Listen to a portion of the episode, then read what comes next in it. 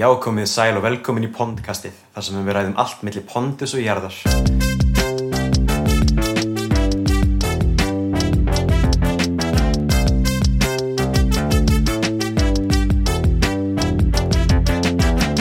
Við erum sko aldeilis með góða gesti hjá okkur hér í dag. Það er hann Aðalsteinn Hannesson, formaður Pondus aðdóndafélag Íslands og fjármjölafræðingur. Á, góðan daginn.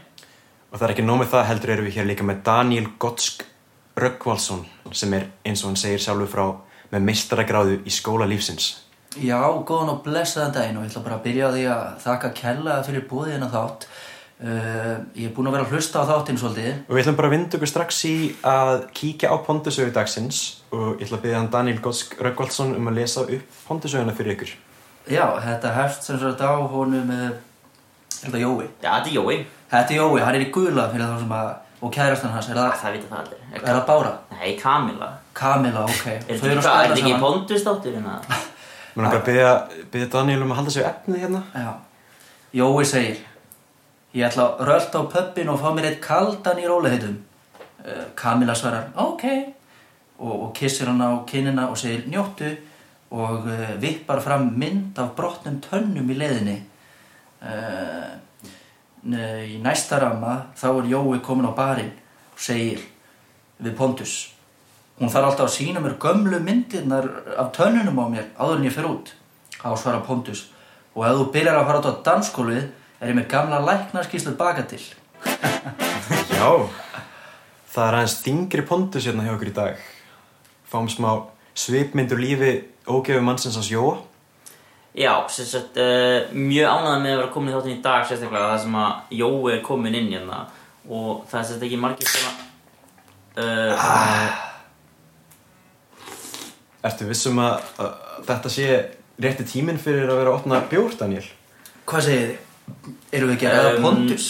her, Jú, uh, sagt, jú, Jói sem sagt uh, það er ekki margir sem vita það en uh, hann var einu sinni mun meiri ógefamöður en hann var og var var sem sagt uh, alltaf að reyna við svona mis, misfríðar konur á barnum og, og svo en, en, en því hlutverki hefur svo verið tekið við af Hugo, öðrum strætubílströnnum svona í myndasögunni en uh, þetta er reyndar mjög lýsandi við sambandið þeirra Jóa og Kamilu sko.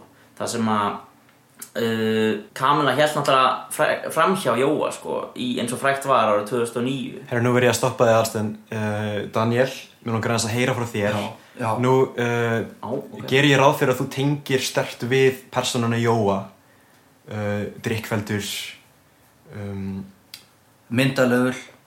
já, myndi nú kannski ekki segja það, en uh, og kann svoleiðis á kvennfólkið uh, en það er bara þannig að ég, eins, og, eins og áður en að þú uh, uh, talar yfir mig hérna áðan þegar ég var að kynna mig að þá, þá hef ég verið að svolítið að hugsa um þetta og í þessum bara, nú þætti langar bara að benda á, ég, það er ég sem stjórna þættinum hérna í dag og...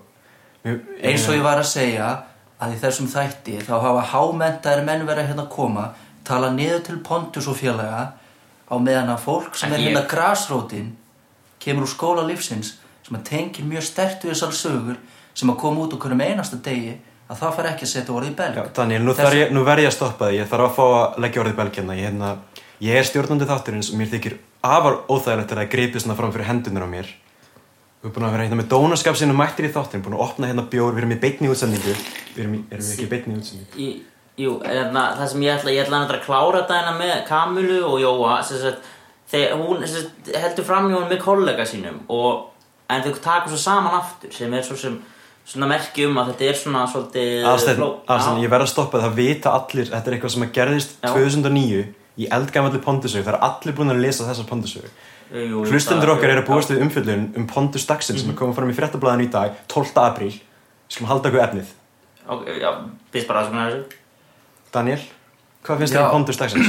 ok, það sem við erum í Pontus dagsins er að við sjáum Jóa þennan í gulupeysunni hann er orðin breyttum aður uh, og Kamila minnir hann reglulega á þegar hann fer út á lífið og uh, lætur hann svo fábjani en þetta könnust við kallmenn við að þegar að menn eru búin að setla uh, Já, nú verð ég, ég að stoppa, ég, ég finn, ég, heyri hvert þetta er að fara, ég vil ekki heyra neitt svona sexismu hérna í þessum þætti. Og tíminn okkar er búinn, í dag. En Ég vil bara þakka ykkur fyrir að hlusta og við heyrjumst bara hressu klátt Kallmenn eru bara kallmenn og konur eru bara konur. Pond, Pondkastinu